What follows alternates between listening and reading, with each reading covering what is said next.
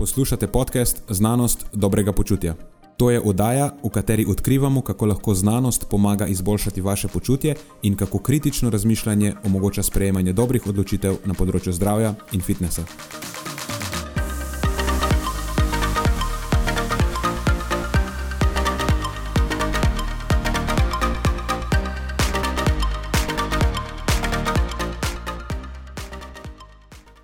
Preden začnemo, pa se moram zahvaliti še našim sponzorjem.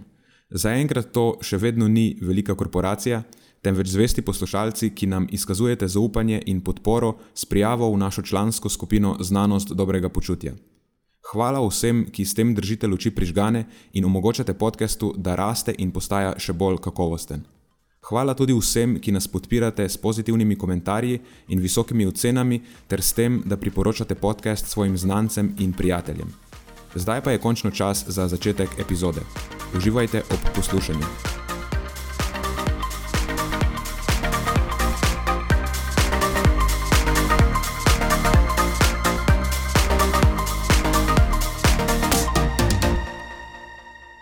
Razmišljam, kaj je bilo ta teden nekaj aktualnega, a bi želel kdo, da mu predam besedo, preden gremo na vprašanje. Ta teden, sicer to se posluša za mikom, ampak eh, vse je bilo obarvano v tem Filgood Weekendu, redko še malo zadnjih priprav, uh, malo hektičnosti. Tako. Ja, te organi organizacija, zadnji detajli, evo, to je bilo ta vikend. Um, na nek način se kar veselimo, malo. Uh, Rekl sem na nek način, zato ker vse en je še, vsaj pri meni, en element odgovornosti, skrbi, prvič delaš neki task, tako da ne poznaš otrok. Ampak mislim, da imamo zelo dobro pripravljen plan, uh, program je res super, upam, da ga bomo lahko izved, izvedli tako in še bolje, kot smo si zamislili. Pa res sem hvaležen vsem, ki so, oziroma puncem, ki, ki sta ponudili pomoč. To sta Barbara Jevšnikar, kolegica kineziologinja Maja Macuh, uh, ki bo poskrbela za plesno-animacijski program, poleg uh, vadbe.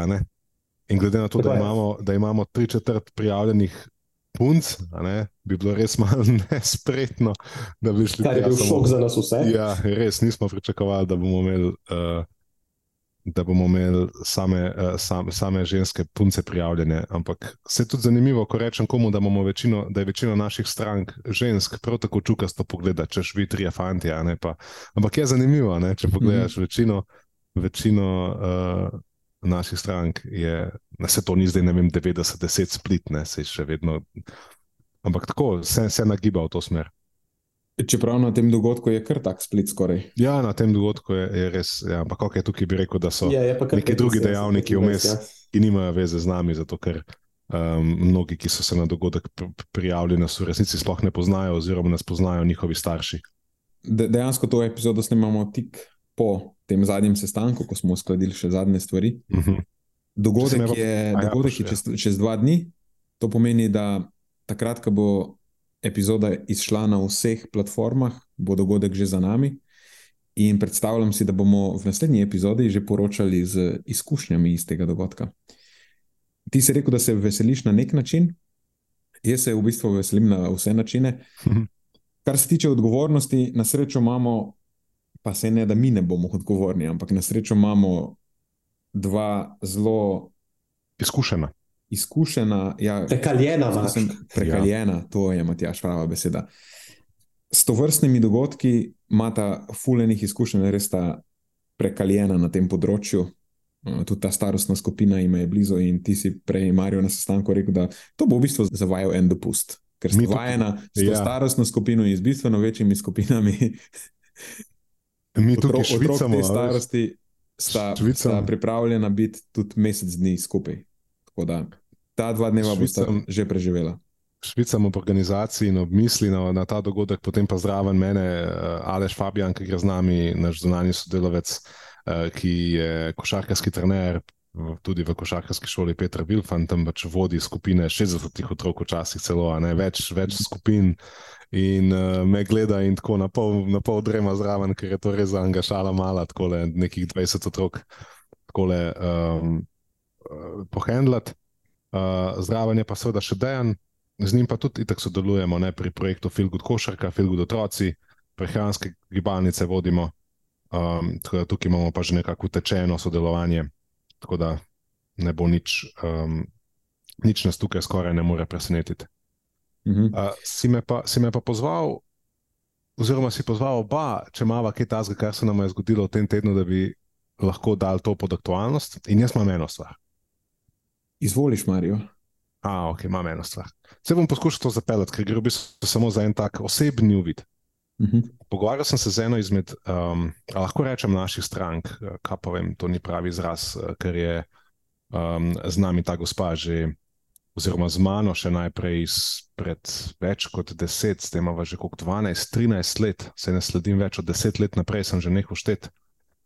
In sem imela zadnjič en zelo zanimiv pogovor, rekla mi je na treningu, da Marijo, veš, ti moram povedati, prebrala sem, ne uspem prebrati vseh tvojih zapisov, prebrala sem pa enega zadnjih, ki sem ga objavil. In rekla, veš, ko sem brala, sem, sem, uh, sem jo otrla misel, da koliko si zrasel kot, kot človek, od takrat, ko sem prišla k tebi najprej. In pa sem pomislil na sebe v tistem trenutku, tako deset, več kot deset let nazaj. In sem se spomnil nekih stvari, kako sem se takrat vedel, kako sem takrat razmišljal. In kaj je pač značilno za tisto obdobje vem, nekega poznega najstništva, če lahko rečemo temu, ne vem, 20, 22 v današnjem okolju, je to še vedno za nekatere, bi rekel, kar full-on teenagerstvo. Um, in um, potem ne vem, zakaj spremljam pač neki, še jaz se kdaj ujamem, pa skrolam neki po social medijih uh, in um, naletim na vsebine enih kolegov, nima veze in način komunikacije starejših kolegov in kolegic, mnogo starejših. Um, in način komunikacije, ki sem ga zaznal v teh objavah, je bil zelo, zelo, zelo podoben nečemu, kar bi jaz napisal, ali pa kako bi jaz komuniciral takrat. In mi je bilo tako prav ustavo, sem se za sekundu rekel, da je to moj full circle moment, veš, sem prišel, prišel full circle. Ker sem videl, da je dan konkreten primer. Vem, več kot deset let nazaj bi z moje strani lahko slišali tak način. Uh, temu bi recimo, takrat nisem vedel, kaj počnem, ampak danes vem, da je šlo za neko ta nek uh, scaremongering oziroma neko zastraševanje, neko sklicevanje na čustva, da poskušam nekako svoj argument uveljaviti tako, da pri tistemu, ki ga posluša ali bere, um, da ga na neki čustveni ravni ne vem, zmanipuliram, ni prava beseda, mogoče, ampak da ga pridobim na svojo stran. Uh, da zanemari to, ali imam prav ali ne, uh, uh, v nekem razumskem smislu, ampak da ne, se mu približam tako, da zadanem neko točko, ki, ki, ki ga boli ali pa, ga je, ali pa uh, ga je strah.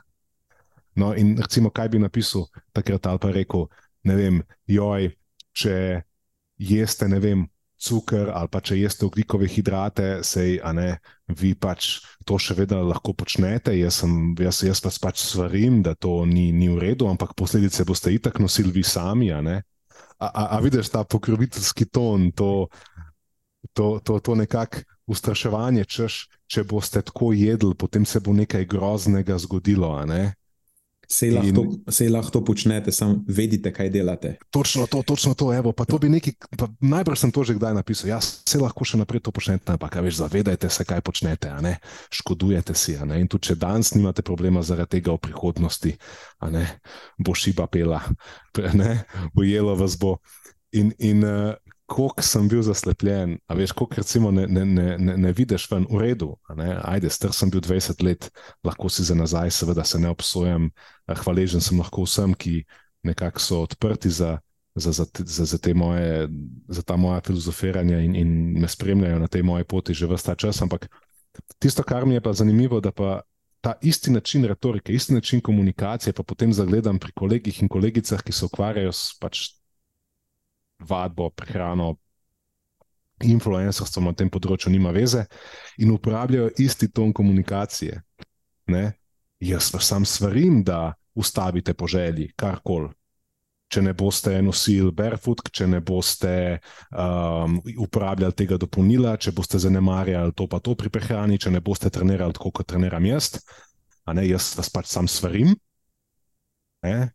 Ampak, če tega ne boste počeli, potem se bo nekaj hudega zgodilo. Ne? Se pravi, hočeš vzpostaviti en tak ne, strah pri nekomu, da ga skozi strah premakneš v svojo smer, ki si jo v bistvu ti zdaj izbral kot. Prenapihnil si jo kot bolj pomembno, kot v širši sliki nekih mnogih številnih dejavnikov, ki vplivajo na to, kako se počutimo um, preko vseh meja.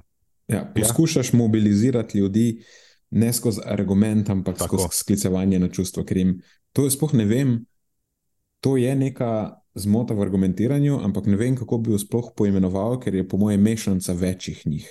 Ker gre in za neko spolsko pobočje, in sklicevanje na čustva, in preusmerjanje pozornosti. Ker ti rečeš, o tem smo se že pogovarjali. Uh mhm. -huh večkrat, ker ko to zaslediš, mi vedno pošleš potem objavo. Prvič se spomnim tam pri Hubermanu, ko je nekaj se usajal čez nekalorična sledila, kako so škodljiva. Mhm. Ja, se jih lahko uporabljate, but know, know what you're doing. in in fora je, da v redu debatiramo o sledilih. Torej, kaj je zdaj tvoj argument, da so nekalorična sledila škodljiva? Ker argumenta nimaš, potem hitro vzbudiš strah in preusmeriš pozornost na strah. Spolsko pobočje je to, da nekako predvidevaš, da že sama uporaba nekaloričnih sledil je škodljiva, kljub temu, da nisi to argumentiral nikakor, ampak si kar preskočil na ne, uporabljaš nekalorična sledila, slabo za tvoje zdravje, preusmeril si pozornost na strah. Zdaj, tukaj se bo nekaj slabega zgodilo, ljudje so zdaj prestrašeni, da se bo nekaj slabega zgodilo in se ukvarjajo s tem strahom. In, in se pravzaprav zanemari A je zdaj, a so res nekalorična sladila škodljiva ali ja. niso? In se ja. samo ukvarjajo s strahom. Meni je zanimivo, kako smo ljudje zares kompleksni. Ker če, če pomislimo o sebi takrat, jaz se nisem smatral kot škodoželjnega ali pa da sem imel neke zle namene ali pa da sem s tem kakorkoli vem, služil, imel nek veš tak motiv, ne, okoriščevalski. Ampak to, to neko na mesto, da bi komuniciral z argumenti, sem raje sejal semena dvoma ne, pri ljudeh, da sem pač tako poskušal pridobiti jih na, na, na, na svojo stran, da mi dajo prav. Um, pa, pa, pa po drugi strani, recimo, nisem na nekih drugih področjih tega počel, ampak samo na nekem področju sem se ujel v to zanko. To hočem povedati. Kako je zanimivo, da to ni nujno nek naš modus operandi na, na različnih področjih. Na enih področjih, recimo, lahko celo svarimo pred čim takim, potem se znajdemo pa na nekem drugem področju, ker iz nekega razloga pademo v to in, in ne vidimo ven. In enako, ko opažam, recimo, komunikacijo strani drugih, opažam pa se tebe poznam, vem, da si v bistvu zelo dobro namerna oseba in nimaš pač neke potrebe ali pa zgodovine takšnega komuniciranja. Ampak zdaj si pa našel neki, ali pa zdaj si pa našla neki, kjer pa si ti zdaj, a veš, full on, bad shit, do stropa in to je pa zdaj nekaj, kar si pripravljen, a ne hrib, na katerem si pripravljen umreti, ker zdaj je pa to, to je pa to zdaj. Ne? Če pa ne to, pa, pa, pa, pa, ne, pa bo šlo pa vse na robe. In to mi je zanimivo, kako imamo neko to um, polarnost v tem, v tem vedenju, kako pre, na enih področjih mogoče premoremo neke, neke uh, se izogniti logičnim zmotam v sklepanju, doči na, drugi, na drugih področjih tako stopimo v drek, a veš, direkt jih nasadimo in še druge pelemo sabo sem. Ponavadi, po mojem, na tistih področjih, kjer si bolj čustveno angažiran. Zdaj, ko razmišljam o tem, zna biti, da je tak pristop k komunikaciji o neki določeni temi v bistvu posledica, a pa ima za izvor neko moraliziranje, ali pa ne vem, kako bi to bolje artikuliral, kot tako, da ti skoraj sebe sodiš kot bolj čistega, zaradi tega, ker to, to delaš. Uh mhm. -huh. Nekdo drug, ki tega ne dela, je v nekem grehu. Ne? Na nekem višjem nivoju. Ja, ti sebe dojemaš kot uh mhm, -huh, Zdaj, vi grešite, če hočete, sam vedete, kaj delate s tem, šli boste v peko. Zdaj, imam feeling, da, imam feeling, yeah. da, ja. neko, da hočeš pokazati, da, ne, da sicer to zahteva od tebe neko odrekanje, ampak da to, to je čisto odrekanje. To je, uh, oni, ki se ne odrekajo na ta način, so v grehu. J jaz sem pa bolj svet da to počnem tako. Vi boste v grehu, ampak vedite, kaj delate. Res nisem hotel, da bi podcast šel v to smer, evo, teh par minut smo temu namenili, ampak mogoče je bila ideja, da če tisti, ki to poslušate, pa če prepoznate pri komorkoli, kot pri meni, deset plus let nazaj, ne, da, da res. Da se zavedate, da obstaja ta argumentativna zmota, sklicevanje na čustva, da tako zgleda, da smo v bistvu nihče od nas ni imun do tega, da na različnih področjih se znamo, ja, se, mogoče ne nadja imun. Danes bi res lahko rekel, da bolj kot kdorkoli od nas. Um, Da, da, da jo znate prepoznati, in da nekako ne vržete mogoče celotne osebe v koš z njo, ker ne, ljudje ponovadi nismo tako zdaj samo ali ne, eno ali drugo, ampak samo da se znate od tega potem ustrezno distancirati. A ja, ok, le na tem področju si mi super, tukaj recimo te rad spremljam, ampak tukaj si ga pa stran pihnu in da znate vi to prepoznati, ne, kot bi znali prepoznati nekoč pri meni, tako kot mogoče zdaj pri komu drugemu, ali pa, even better, celo pri sebi. Ne, ko vi začnete argumentirati nekaj na tak način, da na mesto argumentov začnete sedeti dvome in se sklicevati na čustva, pri, um, potem je to mogoče res nek, uh, kaj počnem. Ja, tukaj potem ja. več ne gre za debatiranje in nek dialog, ampak je poskus manipulacije. V končni fazi zavestna uporaba zmod v argumentiranju ali pa teh logičnih napak je, ne, če je zavestno, je v bistvu manipulacija. Uh, nekaj drugega sem hotel reči. Absolutno, ko nekdo hoče angažirati v, nekem, v neki debati čustva, to je velika rdeča zastavica ali pa rdeča luč, rečemo ker se nehaš ukvarjati z samim argumentom, s tem, o čemer se pogovarjamo, ampak je preusmerjena pozornost na čustva. Druga je pa, kar se tiče tega, rekel si, vse na nekih področjih si mi mogoče všeč.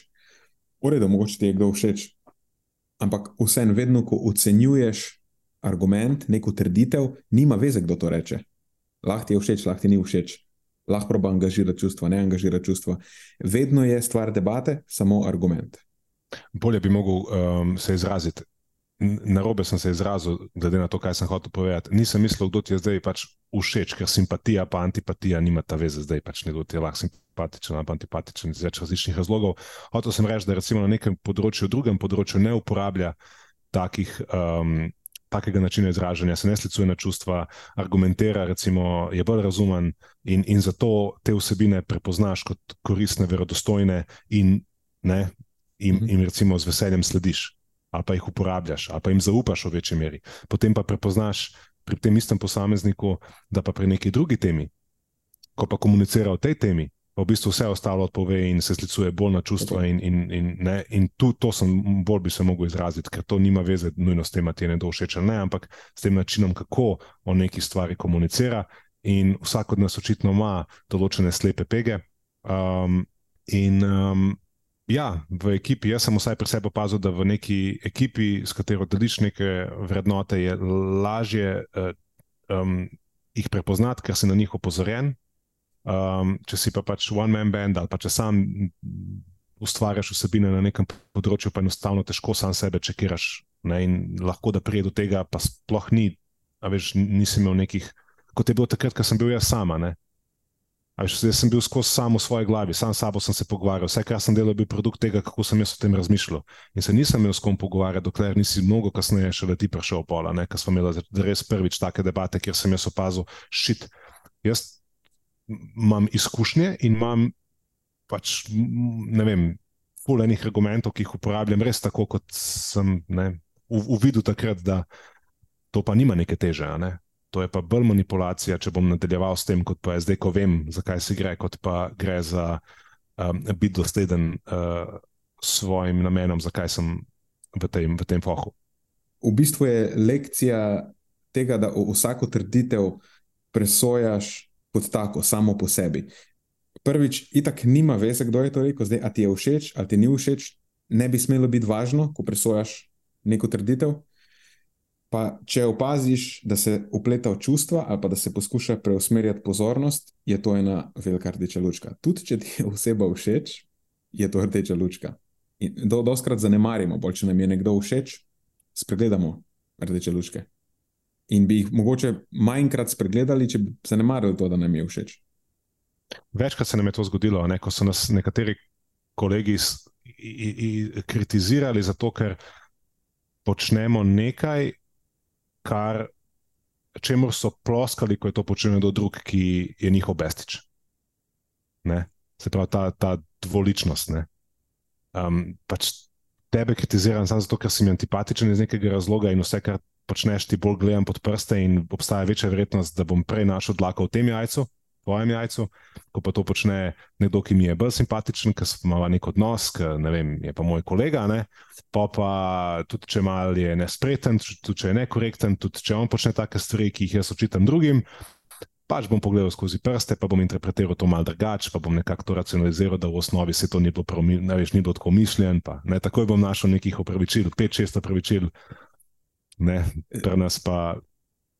To je tista, da vsak ima rad dramo, dokler ni udeležen v drami. Doskrat, ko smo kakšno stvar popravili ali pa jo predstavili v bolj korektni luči, so ploskali, ja, bravo, kako to lepo delate. Čim pa, pa si popkorn popravili? Ja, so si popkorn mm -hmm. pripravili, čim pa je bilo, čim pa je bilo na meniju nekaj, kar je njim blizu, pa pa več niso bili tako navdušeni. Jaz sem enkrat sestavil en citat, nisem sicer nikoli tega objavil, ampak sem rekel: vsi imajo radi naslavljanje ali pa popravljanje mitov, kot hočeš. Vsi imajo radi, vsi nam ploskajo, da je ja, miti, to je ful dobro, kaj jih razbijate. Ne? Pa sem napisal: vsi imate vi radi, da mi razbijemo mite, dokler ne razbijemo tega, v katerega verjamete sami. No, to je ja, druga verzija tega. Ne? Pa pa kar od enkrat, ne, za 180, ne, stopino brat.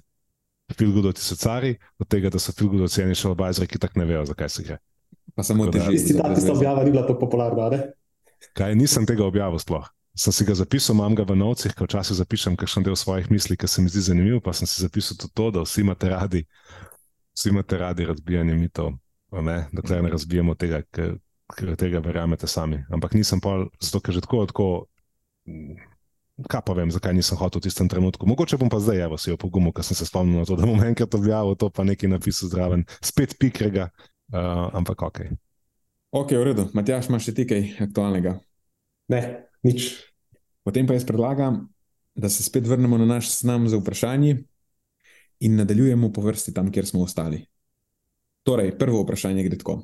Vpliv intermittent fastinga, oziroma to je poslovensko prekinitvenega postenja na ženske. Koliko ur postenja je najbolj optimalno? Konec vprašanja. Matjaš se smeje, ker ve, kakšen je moj odgovor. Matjaš ima tudi odgovor na to ja. vprašanje, ja. ne Matjaš? Enako odgovor je. Ja, jaz, jaz imam vedno zelo kratek odgovor na to vprašanje. Optimalna količina postenja, predvsem za ženske, ampak tudi za moške, je čez noč. Torej, takrat, ko spiš, takrat ne rabiš jesti.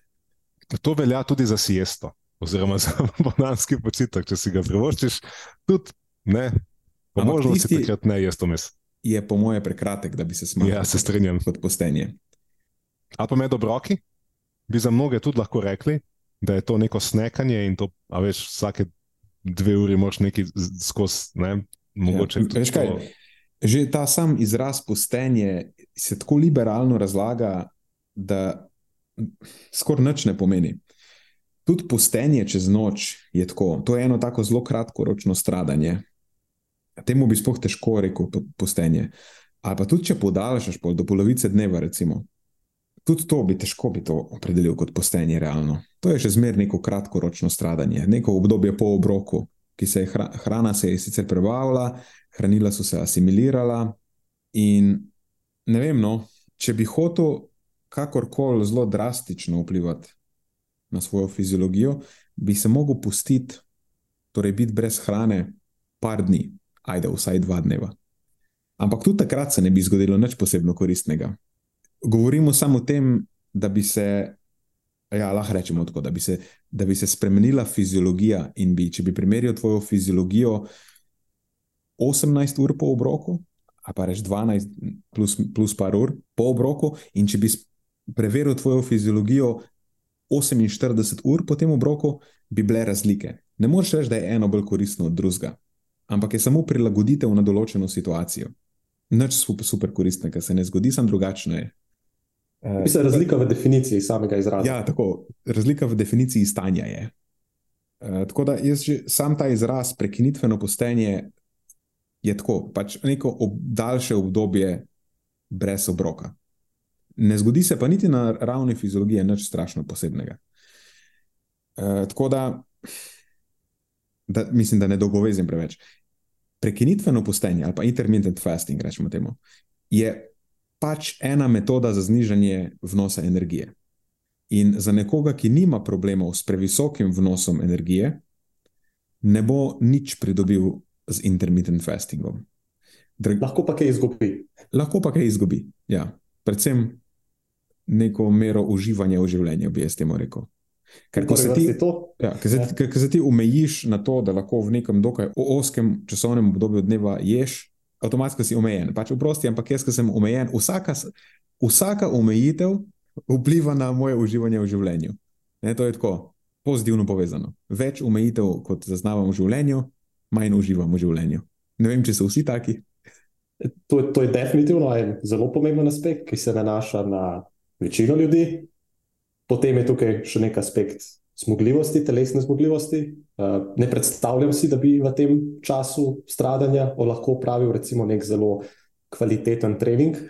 to je tudi en, eden izmed aspektov.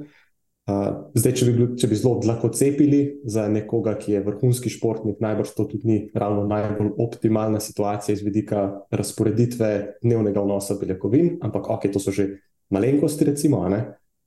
Um, tako da, ja, v bistvu veliko enih minusov, ki lahko pridejo s tem. Rekl si pa ne, da je to eden izmed načinov, kako omejiti vnos energije, ampak ironično, pogosto se zgodi celo obratno. In nekdo potem v tistem, čeprav krajšem časovnem oknu hranjenja, poje še več kalorij, kot bi jih sicer. Tako da, mogoče niti ne shujša v tem času, sem to znal reči. Ni nujno, ja. ne zgodi se to zelo pogosto, imamo, lahko pa se. Imamo nekaj anegdot, tudi takih. Je pa trenutno, čist, če se navežemo na literaturo, kar se tiče uravnavanja apetita, pa pristopov z omejenim oknom hranjenja, ni. Slika zaenkrat ni tako zelo jasna, v nekaterih raziskavah se poroča dejansko o tem, da je omejeno okno hranjenja bilo povezano z boljšo regulacijo apetita. Pravi, da so udeleženci tem, pri, s tem omejenim oknom hranjenja lažje bili sodelovalni pri tem znižanem energijskem vnosu. Pred kratkim mislim, da je bila objavljena metaanaliza, ki ugotavlja, da v bistvu ni razlike med omejenimi oknimi hranjenja in pač drugimi oblikami redukcije energijskega vnosa. Um, Zdaj, trenutno to je samo moje mnenje, ampak mislim, da lahko na podlagi literature tako sklepamo, da je omejeno okno hranjenja povezano predvsem takrat z boljšo regulacijo apetita, ko je to okno hranjenja bolj usklajeno z tem, rečemo, temu cirkadijanim ritmom oziroma naravnim obdobjem hranjenja in nehranjenja ali pa aktivnosti in budnosti in spanja recimo, ki imaš večino energijskega vnosa zamaknjeno v prvo polovico dneva, uh, pa pol zapiraš okno proti drugi polovici dneva. A, no, to je še en dober point, ker pogosto so ravno te protokoli intermittent fastinga ravno obrnjeni na glavo, ne? v tem smislu, da je večji delež dneva ali pa okno hranjenja zamaknjeno v drugo polovico dneva, ne v prvo. Ja, in tudi naše anekdote so ponovadi take, da ljudje, ki v prvi polovici dneva preskakujejo zajtrk ali pa celo kosilo včasih, potem jih eh, se je Marijo šalo enkrat, da jih apetit dohiti, da jih ugrizne uric zvečer, ko, ko pribeži za njimi. ja, ja, Ko imajo potem prvi obrok, nekako zmenedžirajo, drug obrok, potem pa v bistvu proti koncu, proti zaključku dneva, je pride nekakšna taka čudna vrsta lakote za njimi, kjer uh, so, slo, so zelo slabo zmanjžirani in pogosto pojejo preveč, še več, kot bi načeloma pojedli, če bi imeli dejansko v prvi polovici dneva dva obroka. Ker je nekaj izkušenj tudi taki, ker je pač po, po želji varovancev je bil določen ta intermittent fasting, kljub temu, da je, smo mi odsvetovali. In, in smo videli, kako potem je regulacija apetita v bistvu slabša, tudi uh, fokus na hrano se popolnoma spremeni. Se pravi, ker ja. od enkrat postane hrana v želji, da se s hrano ne bi ukvarjal tok. Se pravi, ljudje včasih rečejo, bom se pač pustil, zato se mi ni treba določen del dneva ukvarjati s hrano. Zanimivo je, da ukvarjaš se dejansko ne s hrano, ampak razmišljaš po njej na vsakem koraku. Ker od enkrat postane, postane tako, okay, kdaj bom, koliko je ura, kdaj, se, kdaj lahko jem, lačen sem že. Veš, začne vplivati na te bistveno bolj, kot pa, kot pa to, da bi si mogoče pripravil eno brok, pa bi ti vzel to 10 minut, zdaj ti pa kumulativno vzame pol več to, da skozi se otepaš misli uh, o hrani. Um, dodal pa bi lahko samo še to, da obstaja razlika tudi glede na to, ali si moški ali ženska. Moje anekdote so, da vsaj ponavljajo se zdaj že skozi leta da se ženske precej slabše odzivajo na uh, to vrstno prehranjevanje, um, ja. na to vrstno prehranjevanje, kjer je ta intermittent fasting. Um, tudi moški, ki imajo malo težave z uravnavanjem apetita, že nasplošno opažam, da je to, kar si prej, ko si me omenil, ne, da te apetit ujame in začne res prehiti. Vs, tako bom rekel, vse osebe, ki so nagnjene k čustvenemu prenajedanju, k čustvenemu uh, prehranjevanju, ki radi svoje čustvena stanja tešijo s hrano, ki imajo ta ozorc, opažam, da ta način prehranjevanja, uh, um, a pa tudi drugi načini prehranjevanja, ki so omejujoči. Mogoče na kakšnem drugem naslovu, recimo, ne smem jaz tega, ne smem jaz tega, da potem jih zvečer ko se jim dan umiri, ko jih pač določene občutja ujamejo, um, ali, pa, ali pa apetit, takrat se potem zgodi kaos. Uh -huh. uh, jaz bi dve ali pa tri, da imamo začeti z dvema, zadevi dodal. Prva je ta, da itek vemo, restrikcija, tudi v literaturi, ne samo anegdotalno, je povezana z večjim fokusom na hrano, pa slabšo regulacijo apetita, sploh v tistih obdobjih, ki so bližje obdobju hude restrikcije. In tudi to vidimo, recimo, čisto v, v tem primeru, recimo, kjer imaš dan, ko se hraniš v drugi polovici dneva. In obroke na začetku tega obdobja nekako še zmenedžiraš, ker veš, da boš kmalo jedel spet.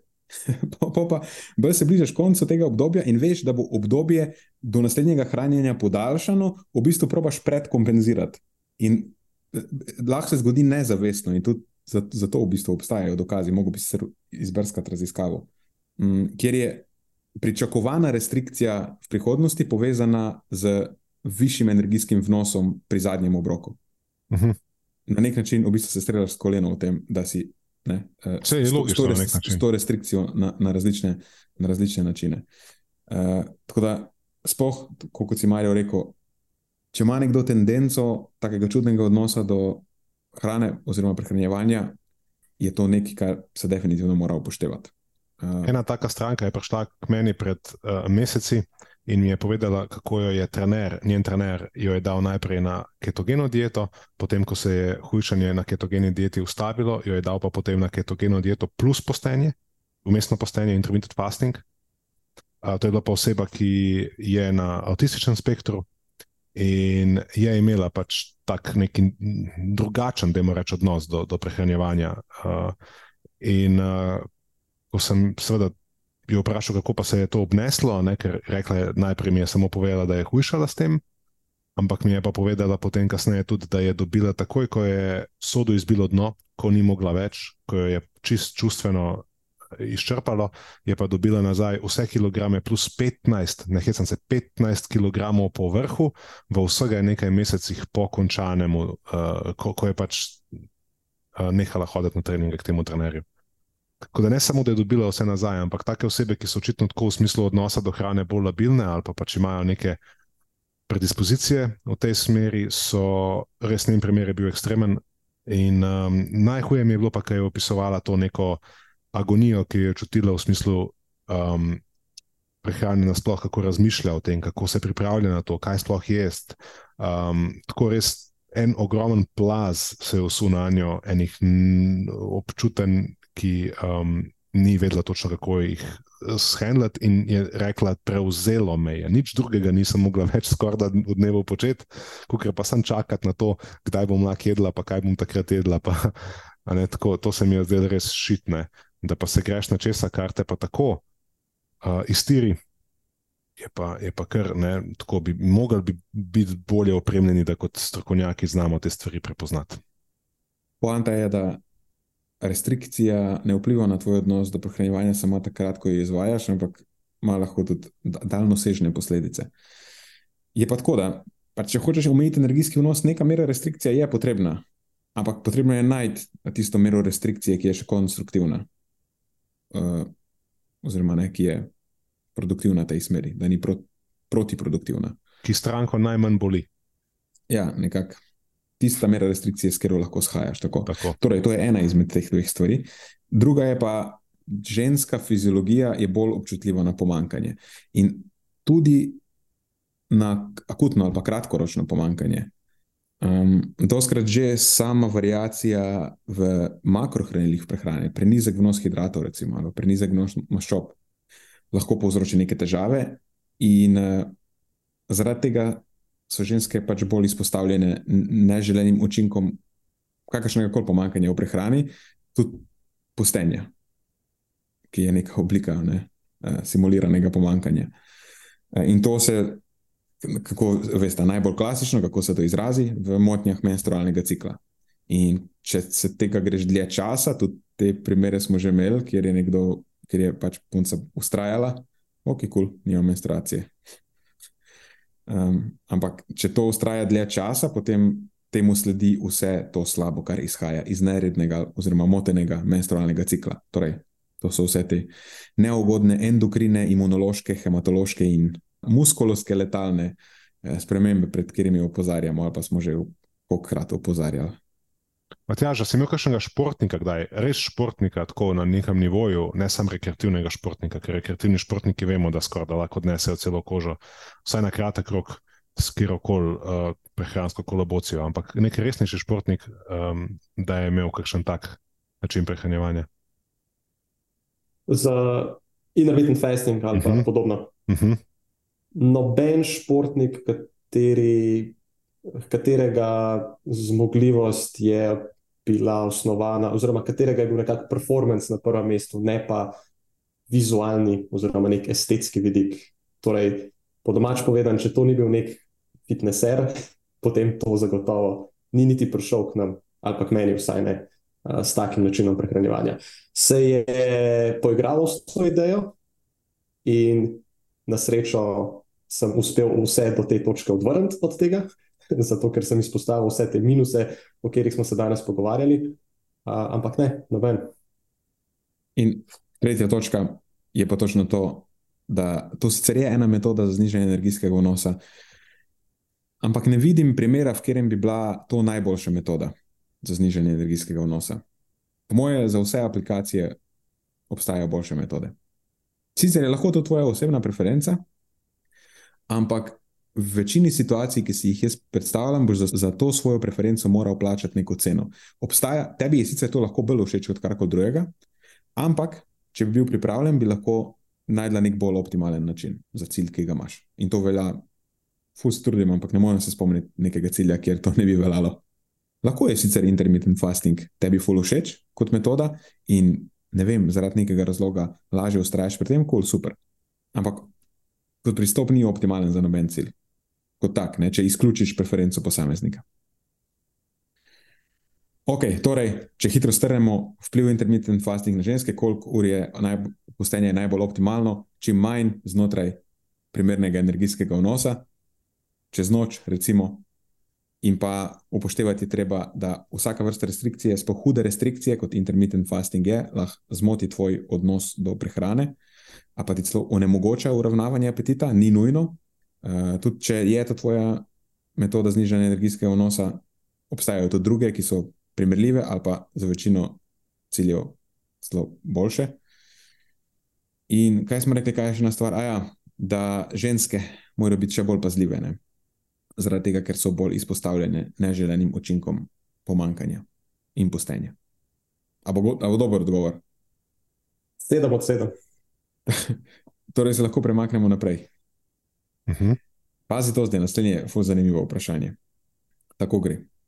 Ali se, na primer, preveč popečenemu kruhu, poleg tega, da se tvori veliko akrilamida, tudi zmanjša energijska vrednost? Konec vprašanja. Mm. Torej, po domače, če zažgeš kruh, ali je manj kaloričen, ali je to zdaj low calorie kruh? Rekl bi, da je manj kaloričen, ampak v širši sliki popolnoma nerelevantno. To je ukvarjati. Pa kdo bo jedel zažgan kruh? A si normalen? To, to je kratek, pravilen odgovor. Če ne drugega, že manj poješ, ker je zažgana. Ja, ja da je prav, thinking outside of the box. ja, ampak na, na količino, na količino, ja, na količino. če si pojedel kos kruha. Zdaj, tako je. Ne, mislim, neki hranil, uh, ki bi jih sicer za, zaužil, dobesedno zgori, ne, izgine v plamenih in dimu. Tako da, zdaj ne vem, sicer, če bi to bila sploh statistično značilna razlika, kaj še ne klinično značilna. Ne vem, jaz, kot je Marijo, kot se ti rekel, je, um, zna biti, da je to čisto zanemarljivo. Uh, je, je pa tako, da Produkti Majlardove reakcije so slabše prebavljivi, in to se nanaša predvsem na beljakovine in eh, reducirajoče sladkorje, torej eh, na ugljikove hidrate. In obstaja ena raziskava, kjer so eh, primerjali white pa brown diet, so temu rekli. Rahlo rasističen naslov. white, le imaš. Ne vem, kako si zdaj povezal to, ampak whatever. White diet je bila prehrana z nizko vsebnostjo produktov Majlardove reakcije, brown diet pa pač prehrana z visoko vsebnostjo produktov Majlardove reakcije. In so pokazali više izločanje dušika v fekalijah, torej več neprebavljenih ali pa eh, pokakanih beljakovin, eh, nižjo absorpcijo dušika, to je torej manj absorbiranih beljakovin, in bi se lahko zaključili, da pride do neke slabše prebavljivosti beljakovin. Tako da te bolj popečeni deli, eh, beljakovine v teh delih bodo najbrž dejansko slabše, imele slabšo razpoložljivost. Ampak še zmeraj vse to skupaj je nesignifikantno. Eh, plus, moraš se vprašati, kakšni so zdaj učinki tega na zdravje, ker produkti Majlardove reakcije so potencialno toksični in karcinogeni, eh, plus ti ne prebavljeni produkti Majlardove reakcije tudi fermentirajo, fermentirajo jih črvesni mikroorganizmi, torej v debelem črvesju, predvsem, nastajajo škodljivi produkti. To nisem zihar, da je smiselno pretiravati s tem. No. V nekih normalnih količinah vemo, da prebava to čisto dobro zregulira. Um, ne pomeni zdaj, da če boš jedel malo popečen kruh, da bo to kakorkoli škodljivo za tvoje zdravje, vsaj ne na nek signifikanten način, ki bi kakorkoli vplival na tvojo življenjsko dobo ali pa eh, dolgoživost, vitalnost, kako koli temu češ reči. Ampak zdaj, veš, da bi žgal vsak kruh, ki ga poješ v življenju, zato ker bi imel 20 kalorij manj, ne, to bi se pa že lahko poznalo. Razsvetli nas še na tej točki, da ne bo nejasnosti. Kaj je Majardova reakcija? Čist na hitro se pač Majardova reakcija se zgodi, ko Eh, pri toplotni obdelavi reagirajo uh, določene aminokisline in reducirajoče sladkorje. In nastane tista pečena skorica. Kuhar bi rekel, da je tisto, kar da hrani okus, ta ekstra okus. Ta to pa je ogromno maščob. Um, ja. Ja. Če temu dodaš še maščobe, pa malo soli, ne? vse to je to. Tako da jaz sem sicer, kako se reče, fan, navdušen nad Majlardovo reakcijo, ampak bodimo umirjeni tudi s tem, ne žgati glih čisto vsega. Vsekakor je drugačna kulinarična izkušnja, če je tvoj zrezek ali pa tofu zapečen do te mere, kjer poteče majlardova reakcija, je bolj bo okusen, kot če ga skuhaš v vodi. Ne, tam bo pač vsebnost produktov majlardove reakcije tako nizka, da to ne bo vplivalo na kulinarično izkušnjo. Vsaj ne v tej meri, kjer bi ti to zaznal kot bolj prijetno obliko. Dobro. Vzeto na znanje, naslednjič, ko si pripravim, well done, tofu. Odlično. Torej, gremo naprej. A imamo še čas za eno vprašanje? Mislim, da. Ok. Pozdrav. Vprašanje za podcast. Ali dvigovanje v fleksiji poveča tveganje za nastanek diskus hernije, glede na trenutno literaturo? Hvala. Mm, Taki nam je poslal to vprašanje, nam je zraven pripel še par postov od enega fizioterapeuta, ki ga jaz spremljam. In sem v bistvu precej navdušen nad njim, Adam Mikins, uh mhm. -huh. ime in priporočam, da se ga spremlja, ker je gospod zelo načitan, ima tako zelo evidence-based pristop k celi zadevi. In v bistvu, pol, ko sem šel čez te objave, uh, lahko bi tudi to vprašanje zaključil s tem, preber njegove objave. Ampak, recimo, če ga nekdo ne spremlja, pa mislim, objave na Instagramu itak so zelo, tako zelo strnjena verzija. Se mi je zdelo smiselno vseeno malo razširiti to, pa tudi odgovoriti. Mogoče povedati od začetka, kaj sploh je hernija, pa kaj so neki dejavniki tveganja, pa na kaj popaziti. Ne, ne, po, ne govoriti mogoče samo pri dvigovanju v fleksiji. Po domače dvigovanje v fleksiji je dvigovanje z upognjeno hrbtenico. Ali lahko bolj po domače to povem? torej skrivo hrbtenico, ne vem kako temu rečejo še. Torej, tako da ni tvoja hrbtenica v neutralnem položaju, da ne zgleda, da imaš štil odmetle vse. Mogoče si ljudje to ponad predstavljajo kot uh, dviguj z nogami, ne s hrbtom. Da to, to, to je nekaj, kar reče se. Ja. Torej, in zdaj vprašanje je, ali je to, da nimaš čist neutralne ali pa blizu neutralne heptenice, lahko škodljivo, če dviguješ težka bremena, ali pa ali celo lahko poveča tveganje za diskus hernijo.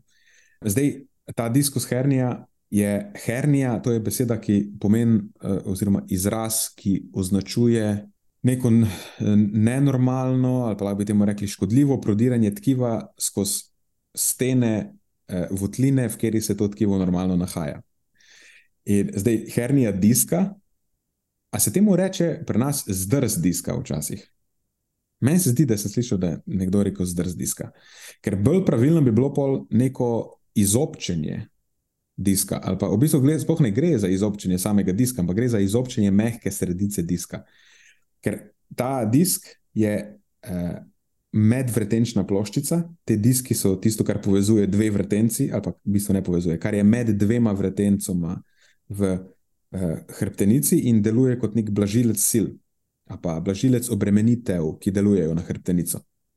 In zdaj ta medvretenčni disk med tema dvema vretencama, ki sta kost, je ta disk je ena taka hrustančna struktura, ampak je sestavljen iz dveh delov. Zunanji del je tako čvrsto vezivno tkivo, pol v notranjem delu je pa neka, neko tako želatinozno jedro, mislim, da se temu reče. Taka mehka zadeva. In zdaj, kar se pri tej herniji zgodi, je to, da to želatinozno jedro se začne razlivati skozi razpoko v tem vezivnem obroču diska. A se to da predstavljati, zdaj, kot sem jaz to razložil? Ker da imaš nek voden balon, ampak ni glih voden balon, ampak je nek uh, hokejski pak, ki je ne, zunaj, od zunaj trd, znotraj je pa neka želatina. In zdaj, ker ta zunanja stena paka poči, pač ta želatina začne uhajati ven. In zdaj, kje je tukaj problem? Problem je tukaj to, da ta to želatinozno jedro je vseeno precej čvrsto in pol, če začne prodirati v smeri živcev, ali pa bog ne da je v smeri hrbtenjače, pol lahko začne pritiskati ob živce, ali pa bog ne da je hrbtenjačo. In to ponavadi povzroča, uh, mislim, lahko povzroča uh, neko bolečino, ali pa nevrološke težave. V bistvu lahko tudi povzroča katastrofalne težave, če pritiska ob hrbtenjačo. Lahko pride do izgube uh, nadzora nad določenimi deli telesa. Mm, tako da to je pol v bistvu urgentno stanje. Ampak v večini primerov se to ne zgodi. Večina simptomov, ki je povezana z diskus hernijo, je, mislim, da bi rekel, bolj bolečina. Čeprav ne pomeni, da če imaš diskus hernijo, da te bo nujno karkoli bolelo. Lahko imaš malo degeneriran disk, pa malo nekje neki prihaja ven, ampak v bistvu nimaš nobenih simptomov. Tako da ni vedno nujno, da te bo karkoli bolelo. Lahko te pa boli križ, pa nimaš diskus hernije. Tudi to je. Ne? Tako da ni nujno, pač ni, ni zdaj diskus hernija eden in edini vzrok uh, bolečin v hrbtu. Je pa res, da jih lahko povzroči. Um, ampak zdaj naslednje logično vprašanje je najbrž ok, v redu, ampak zakaj zdaj meni to želatinozno jedro prodira skozi stene diska? Uh, in odgovor je tukaj samo eden, v bistvu. Degenerativne spremembe diska so tiste. Ko je ta zunanji del diska ali pa disko celota tako degeneriran, lahko pride do ohajanja želatinoznega jedra. Uh, je pa tako, da Ko pa govorimo o dejavnikih tveganja, ne, kaj je zdaj neka stvar, ki povzroča degeneracijo, jih je pa en kup. Ampak noben ni tisti, za katerega ponovadi najprej rečejo, da je. Um, zdaj, prva stvar je ta, da degeneracija diska se lahko zelo hitro začne dogajati. Mislim, da tam že pred 20 leti je lahko opažena, ali pa recimo 25 uh, eh, in, in naprej. Ampak je zelo odvisno, ker je odvisno prvič od tvojega življenjskega sloga, oziroma nekaterih drugih dejavnikov, ki izhajajo iz tvojega življenjskega sloga, se bom kasneje, ampak sem da dokončam tole misel. Druga stvar je itak genetika, za neke stvari si lahko bolj nagnjen, za neke manj, in če si ne, bolj nagnjen k degeneraciji, in če imaš tak življenjski slog, ki pospešuje to degeneracijo, se bo dogajalo prej. In zdaj že pri sodobni mladini se opaža tudi. Prej, tudi pri 15 letih je bila opaz, opažena degeneracija diska. Tako da življenjski slog plus genetika ima tukaj ful velik vpliv. Bi rekel pa, da tudi če si genetsko nagnjen, z življenjskim slogom lahko marsikaj narediš v smeri, da um, zavreš to degeneracijo. Tako da ena stvar, starost. V vsakem primeru starost. Ker boš star 50-60, bodo tvoji diski najprej degenerirani, tudi če vse delaš prav, pa če nisi genetsko nagnjen. Uh, je pa veliko vprašanje, do kere mere bo in ali bo res prišlo do hernije, ker ni nujno, da imaš degeneriran disk, pa da bo prišlo do hernije. Um, in zdaj prvi poleg starosti, je, ki je nespremenljiv dejavnik, prvi spremenljiv dejavnik, ki bi jaz rekel, da je najpomembnejši, je sedeč način življenja. Pa ni ne samo to, da ti sediš, samo po sebi, da ti sediš ali pa si v nekih kao prisiljenih položajih, ampak bolj to, da si slabo telesno pripravljen, da je tukaj prisotna neka mišična šibkost, neko pomanjkanje eh, mišične moči in to predvsem tistih mišic, ki so. Um, pomembne za zdravo hrbtenico, rečemo, ki so vključene v stabilizacijo. Uh, to so mišice jedra, trebušne mišice, hrbtne mišice in tako naprej. Mislim, da je od tega največ odvisno. No? Pol naslednja stvar je debelost. To je kamorkoli pogledaš, je to izpostavljeno kot dejavnik tveganja. Um, in pol, zanimivo naslednje, ne, to je ponovadi prvo, to ljudje prvo rečejo. Ponavljajoči se gibi. To je kamorkoli v neka splošna javno zdravstvena priporočila greš pogledat, za, za, za diskus hernijo, je tako, ponavljajoči se gibi, ne izvajati ponavljajočih se gibov.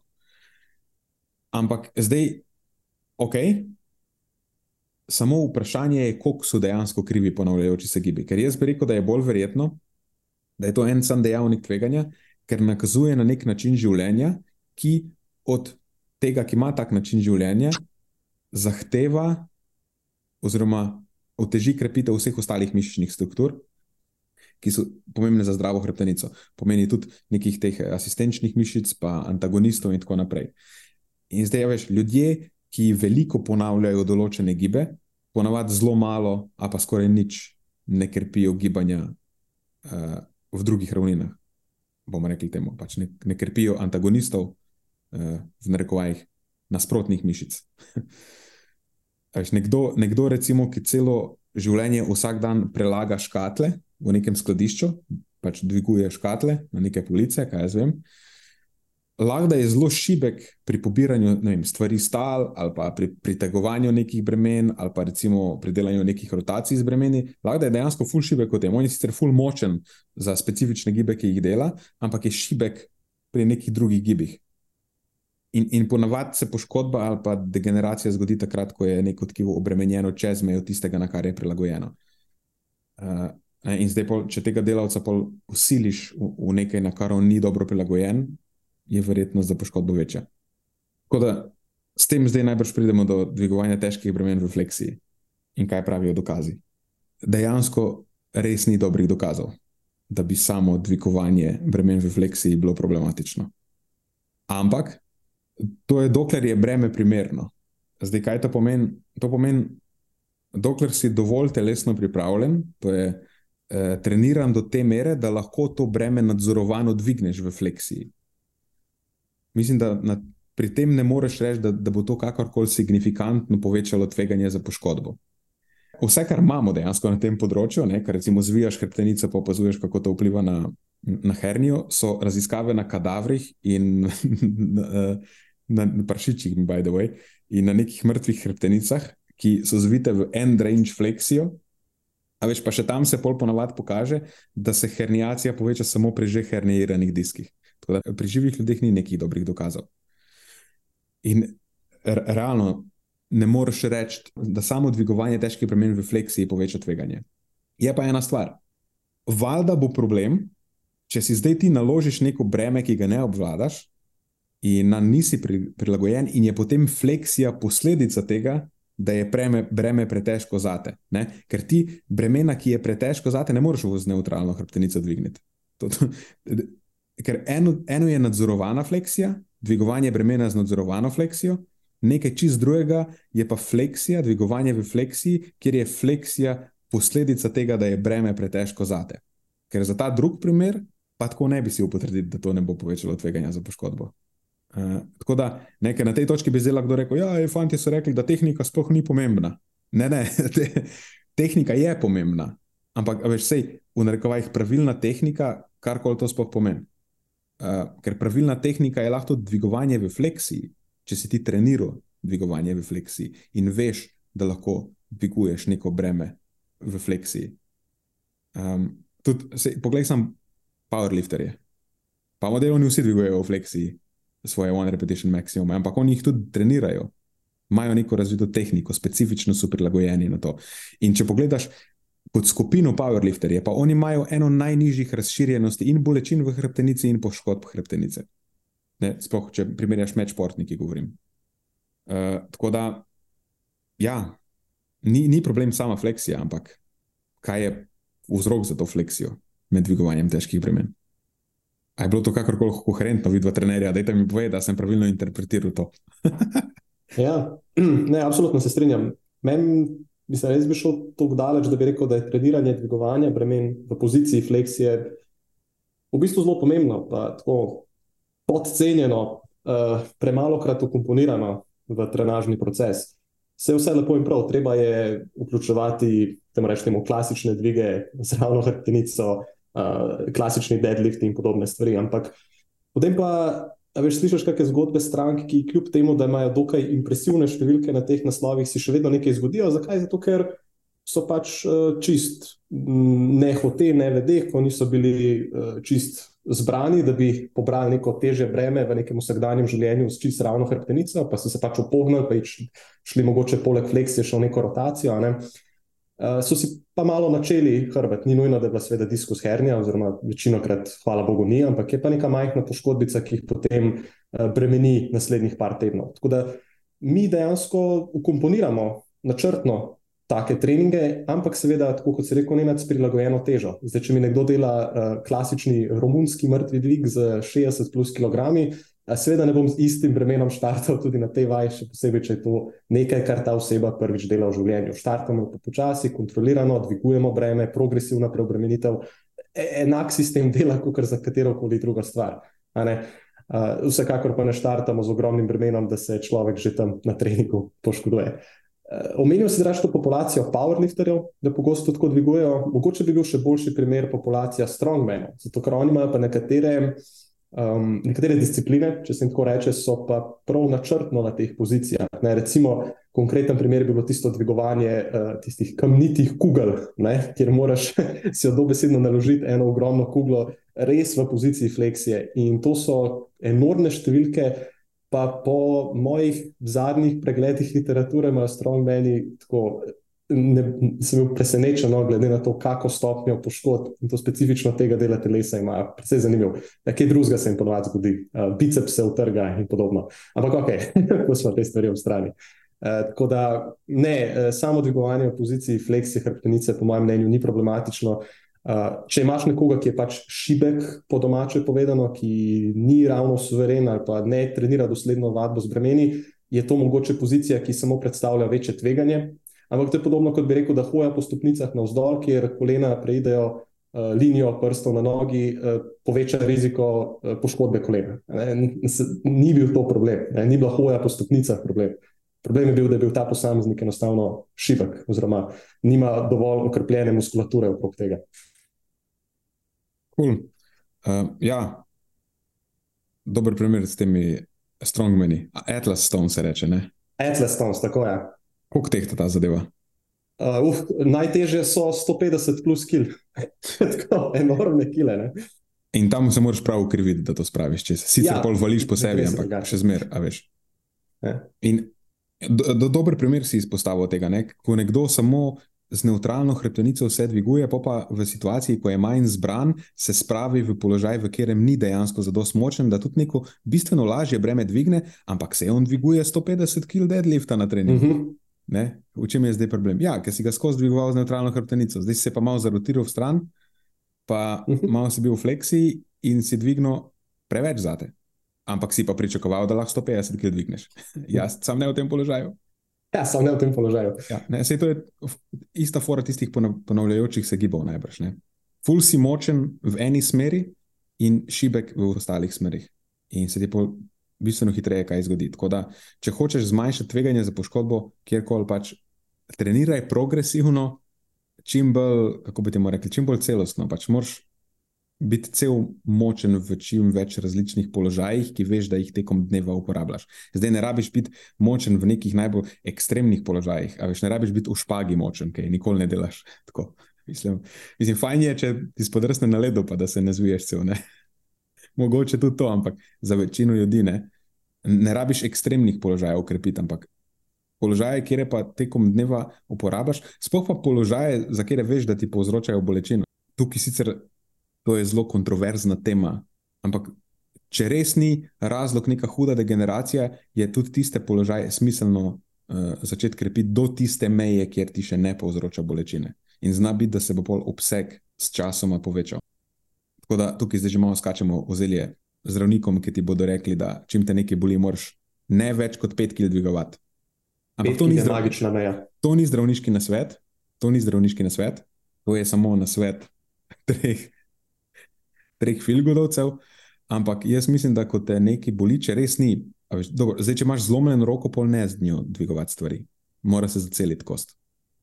Um, veš, ampak če pa, spoh, če pa je bolečina neka, ki je ne znaš pojasniti, pa ni neke hude degeneracije, uh, tukaj diagnosticirane. Pa bi pa jaz rekel, da je v bistvu smiselno do meje, pa mogoče čez malo čez meje bolečine iti, pa videti, kje, la, kje je še tisti položaj, kjer lahko relativno udobno krepiš ta položaj in zna biti, da se bo obseg gibanja tudi s časoma povečal in da se bo bolečina zmanjšala. Da, ampak to so zdaj že tako specifične stvari, ker lahko res samo pri posamezniku. Ja, se vidi, da bo se to vedela bolj kot jaz, jaz samo teoretično razlagam to. Vidno imata pa več praktičnih izkušenj. Tako da, dajte me zdaj na tej točki popraviti, če sem se zmotil, da lahko gremo naprej. To je to, jaz se podpišem pod vse. Marijo, kot najbolj izkušen trener med nami, oziroma jaz, ki sploh nisem trener. Je bil ponosen. Je bil ponosen, ker je poslušal tebe teoretično temeljiti in Matjaža, ki je to prenesel v prakso. In če bi jaz zdaj karkoli še hotel tukaj dodajati po vrhu, bi se mi zdelo, da bi bilo samo tako egoistično zato, da nekaj povem, ker enostavno sta povedala vse bistveno in lahko samo rečem bravo. Pa, hvala lepa, Marijo. Jaz predlagam, pol, da predem karkoli jaz pokvarim še, da na tej točki zaključimo. Pa tudi, če pogledam časovnico, mislim, da smo uh, porabili naš čas, ki, ga, ki ga imamo na voljo. Tako da to je to za danes.